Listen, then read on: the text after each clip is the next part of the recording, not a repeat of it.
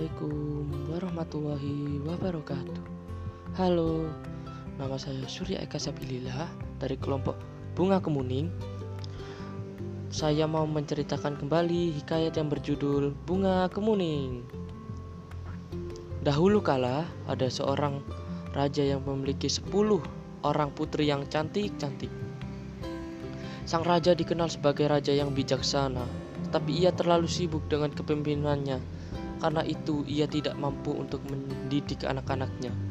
Istri sang raja sudah meninggal ketika melahirkan anak-anaknya yang bungsu, sehingga anak sang raja diasuh oleh inang pengasuh. Putri-putri sang raja menjadi manja dan nakal. Mereka hanya suka bermain di danau. Mereka tak mau belajar dan juga tak mau membantu ayah mereka. Pertengkaran sering terjadi di antara mereka. Kesepuluh putri itu dinamai dengan nama-nama warna. Putri sulung yang bernama Putri Jambon, adiknya yang dinamai Putri Jingga, Putri Nila, Putri Hijau, Putri Kelabu, Putri Orange, Putri Merah Merona, dan Putri Kemuning. Baju yang mereka mereka pun berwarna sama dengan nama mereka. Begitupun sang raja sudah tua dapat mengenal mereka dari jauh. Meskipun kecantikan mereka hampir sama, si bungsu putri kuning sedikit berbeda. Ia terlihat man tidak manja dan nakal, sebaliknya ia selalu riang dan tersenyum ramah kepada siapa pun yang ia lebih dan ia lebih suka berpergian dengan inang pengasuh daripada dengan kakak-kakaknya.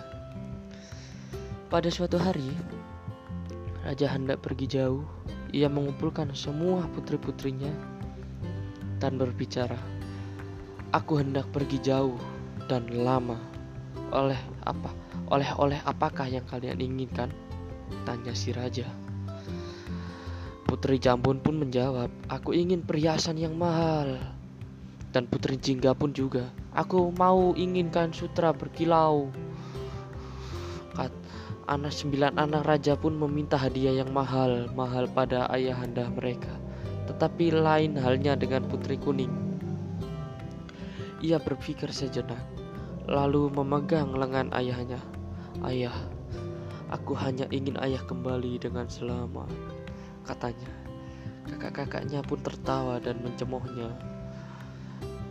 Ayah pun bilang kepada si kuning, Anakku, sungguh baik perkataan.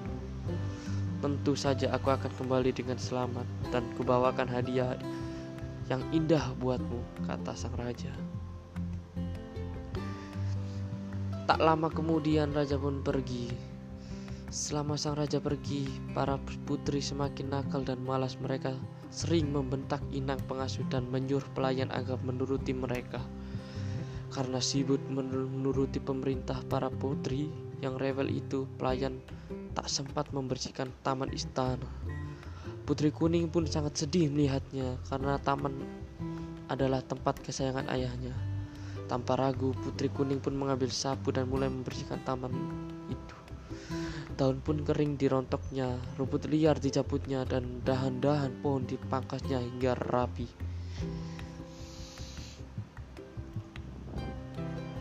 Semula Inang pengasuh melarangnya, namun Putri Kuning tetap bersikeras mengerjakannya. Kakak-kakak Putri Kuning yang melihat adiknya menyapu tertawa keras.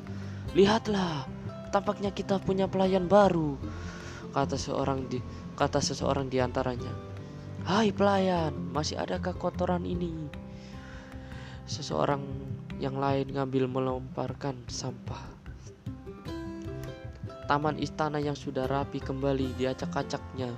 Putri Kuning diam saja dan menyapu sampah. Sampah itu kejadian tersebut terjadi berulang-ulang sampai Putri Kuning kelelahan. Dalam hati ia bisa merasakan penderitaan para pelayan yang dipaksa mematuhi berbagai perintah kakak-kakaknya. Kalian ini sungguh keterlaluan. Mestinya ayah tidak perlu membawakan apa-apa untuk kalian. Bisa, bisa bisanya hanya mengganggu saja, kata Putri Kuning dengan marah. Sudah ah, aku bosan. Kita mandi di danau saja. Ajak Putri Nila. Mereka meninggalkan Putri Kuning seorang diri begitu Begitulah yang terjadi setiap hari. Sampai ayah mereka pulang ketika sang raja tiba di istana, kesembilan putrinya masih bermain di danau. Sementara putri kuning sedang merangkai bunga di atas istana. Mengetahui hal itu, raja menjadi sangat sedih. Anakku yang rajin dan baik budi, ayahmu tak mampu memberi apa-apa selain kalung batu ini. Bukan warna kuning kesayanganmu, kata sang raja. Memang sudah mencari raja memang sudah mencari-cari kalung batu kuning di berbagai negeri, namun benda itu tak pernah menemukannya. Sudahlah, ayah, tak mengapa. Batu hijau pun cantik. Lihatlah, serasi dengan bajuku yang berwarna kuning, kata putri kuning dengan lemah lembut. Yang penting ayah sudah kembali, akan kubuat teh hangat untuk ayam cap lagi ketika putri kuning sedang membuat teh. Kakak-kakaknya berdatangan mereka ribut mencari hadiah dan saling memamerkannya. Tak ada yang ingat pada putri kuning apalagi menanyakan hadiahnya. Keesokan harinya putri hijau melihat putri kuning memakai kalung kalung barunya wahai adikku bagus benar kalungmu seharusnya kalung itu menjadi milikku karena aku adalah putri hijau katanya dengan perasaan iri Ayah, memberikannya padaku bukan kepadamu, sahut Putri Kuning. Mendengarnya Putri Hijau pun menjadi marah. Ia segera mencari saudara-saudaranya dan menghasut mereka. Kalung itu milikku, namun ia mengambilnya dari saku ayah. Kita harus mengajarnya. Berbuat baik, kata Putri Hijau. Mereka lalu bersepakat untuk merampas kalung itu. Tak lama kemudian, Putri Kuning muncul kakak-kakaknya menangkapnya dan memukul kepalanya. Tak disangka, pukulan tersebut menyebabkan Putri Kuning meninggal. Astaga, kita harus menguburnya, seru Putri Jingga. Mereka beramai-ramai mengusung Putri Kuning, lalu menguburnya di taman istana. Putri Putri Hijau pun mengubur kalung batu hijau karena ia tak menginginkannya lagi. Sewaktu Raja mencari Putri Kuning, tak ada yang tahu ke mana putri itu pergi. Kakak-kakaknya pun diam, seribu bahasa yang dia cakap. Raja pun sangat marah. Hai para pengawal, cari dan temukan Putri Kuning, teriaknya. Tentu saja tak ada yang bisa menemukannya berhari-hari berminggu-minggu, bahkan bertahun-tahun. Tak ada yang berhasil mencarinya. Raja sedih, aku ini ayah yang buruk katanya. Biarlah anak-anakku kukirim ke tempat yang jauh untuk belajar dan mengasah budi pekerti. Maka ia pun mengirimkan putri-putrinya untuk bersekolah di negeri yang jauh. Raja sendiri pun sering berpenuh dan di taman istana. Sedih memikirkan putri kuning yang hilang tak berbekas suatu hari tumbuhlah sebuah taman di atas kubur putri kuning. Sang raja pun heran melihatnya. Tanaman apakah ini?